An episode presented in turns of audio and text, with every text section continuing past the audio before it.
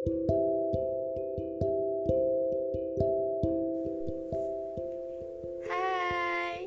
hai lagi. Hmm, kangen banget sama kalian.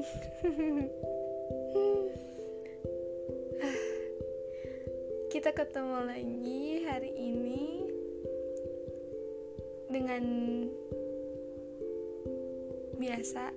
Maksudnya, aku bakal rekaman kalau aku ada waktu senggang dan mungkin kebetulan di rumah lagi sendiri. Nah, hari ini setelah aku baru menyelesaikan naskah pertama aku, novel aku yang berjudul Story of Angkasa, um, akhirnya aku selesai di part kedua dengan jumlah halaman ini gila banget sih halamannya nyampe 1041 dan uh, tadinya aku mau bikin tiga part gitu.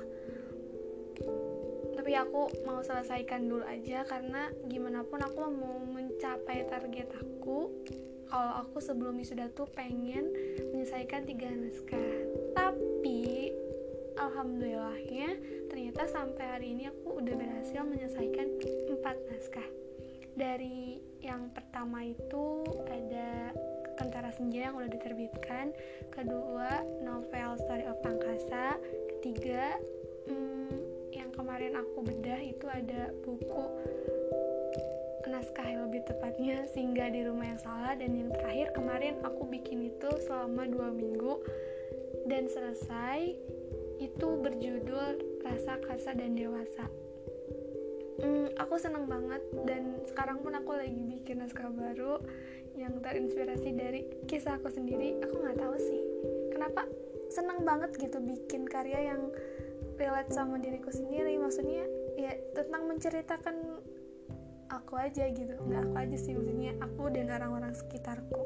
Karena ketika membaca cerita nyatanya tuh seolah kayak kok rasanya beda sih ketika kita membuat naskah dengan pengalaman sendiri dengan uh, dibandingkan dengan naskah yang uh, fiksi maksudnya. Jadi kayak kita karang dari temanya dari alurnya dari tokohnya gitu. Meskipun ada beberapa uh, cerita yang diambil dari kisah nyata juga. Nah ngomongin soal naskah baru jadi sekitar mungkin lima hari yang lalu aku nulis sebuah naskah yang berjudul titik-titik. Judulnya masih rahasia tapi aku udah buat covernya. Hmm, aku ini excited banget bikin naskah ini karena aku terinspirasi dari bukunya uh, Kak Iid yang aku ceritakan di episode sebelumnya yang berjudul Duduk Dulu nah itu bergenre self improvement. Jadi aku pengen buat genre yang sama juga gitu dengan diambil dari cerita yang aku punya. Karena kan awalnya ada senandika terus novel terus ada cerpen juga cuman belum selesai. Nah ini aku pengen buat yang berbeda gitu di mana hmm, emang kejadian kemarin yang aku udah lewatin tuh sebenarnya itu tuh banyak banget pembelajaran yang bisa aku ambil gitu dan uh, di cover ini aku udah buat dengan sebuah tema apa ya aku nggak tahu bilangnya tema atau apa tapi ada kalimat seperti ini tidak semua hal bisa dikejar dimiliki atau dipaksa tetap tinggal beberapa perlu diberi uluran, diberi ruang, bahkan dilepaskan. Karena di saat kita belajar mengikhlaskan, di situlah semesta berjalan. aku nggak tahu kepentok di mana dapet kalimat ini. Uh, cuman ya itu yang aku alamin sekarang gitu.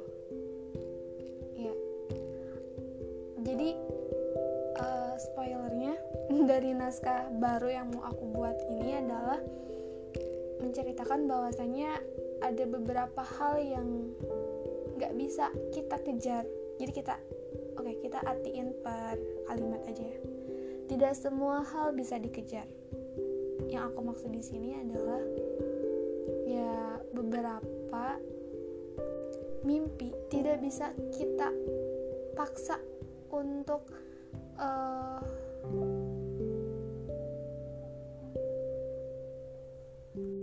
kita punya gitu jadi mungkin mungkin bisa aja ada yang bisa dikejar tapi nggak bisa dimiliki kayak gitu terus dimiliki atau dipaksa tetap tinggal.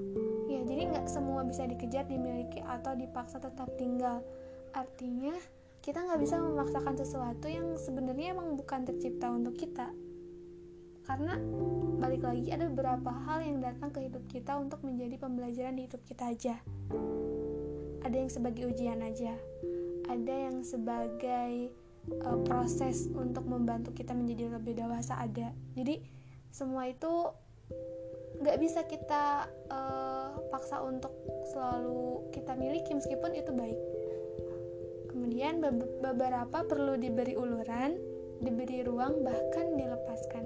Nah dari semua yang nggak bisa kita miliki nggak bisa kita kejar dan nggak bisa kita paksa untuk ting tetap tinggal itu uh, beberapa emang harus kita beri uluran kita beri ruang kita lepaskan karena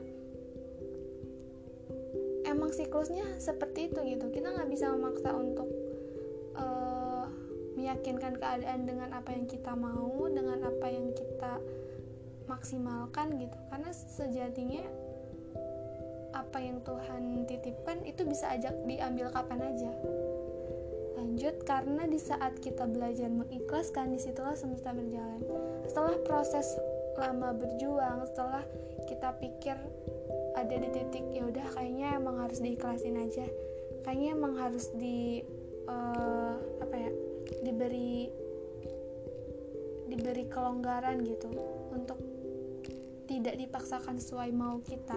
Artinya kita belajar untuk mengikhlaskan. Nah di situlah semesta berjalan. Kenapa? Karena aku pun merasakan hal ini banget gitu. Dampak positifnya itu besar buat aku. Mungkin beberapa waktu yang lalu aku merasa bahwa diri aku tuh hmm, terkekang. Diri aku tuh kayak terkurung terpenjara dan nggak bisa ke mana-kemana. Karena mungkin aku sendirinya aja itu belum bisa melepaskan sesuatu yang harusnya udah nggak bisa aku pegang lagi gitu.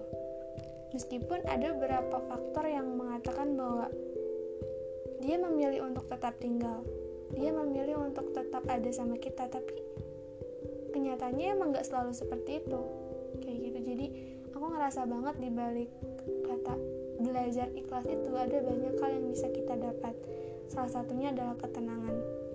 Nah di dalam naskah ini aku mau belajar uh, bersama orang-orang yang mungkin sebelumnya kita ngerasa ada di titik putus asa bahwa kayaknya nggak ada jalan keluar deh dari masalah ini. Kayak kayaknya emang satu-satunya jalan adalah dengan kita pergi dengan kita pulang dan nggak kembali lagi dengan kita menghilang tapi sebenarnya ada satu jalan yang mana akan aku kasih tahu jawabannya di naskahnya gitu.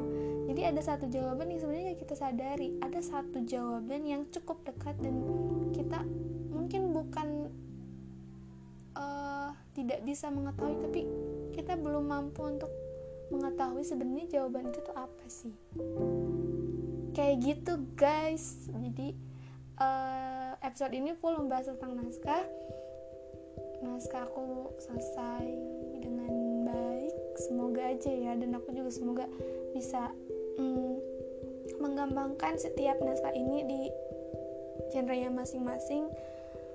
Karena balik lagi sih sedari kecil aku tuh kalau merasa tidak dibuat menyenangkan oleh seseorang atau suatu lingkungan aku tuh selalu pengen bikinin objek atau subjek itu sebuah karya karena ya mereka membuat membuatkan mereka tokoh, membuatkan mereka cerita, alur yang itu bisa jadi pembelajaran di hidup kita gitu. Itu sih menurut aku kayak menjadi salah satu penyembuh buat aku juga di mana aku nggak bisa melupakan orang-orang yang pernah berbuat baik sama aku dan pernah membuat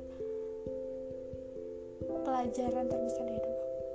Gitu sih guys, udah deh. Kayaknya cukup sampai situ aja. Makasih sudah mendengarkan.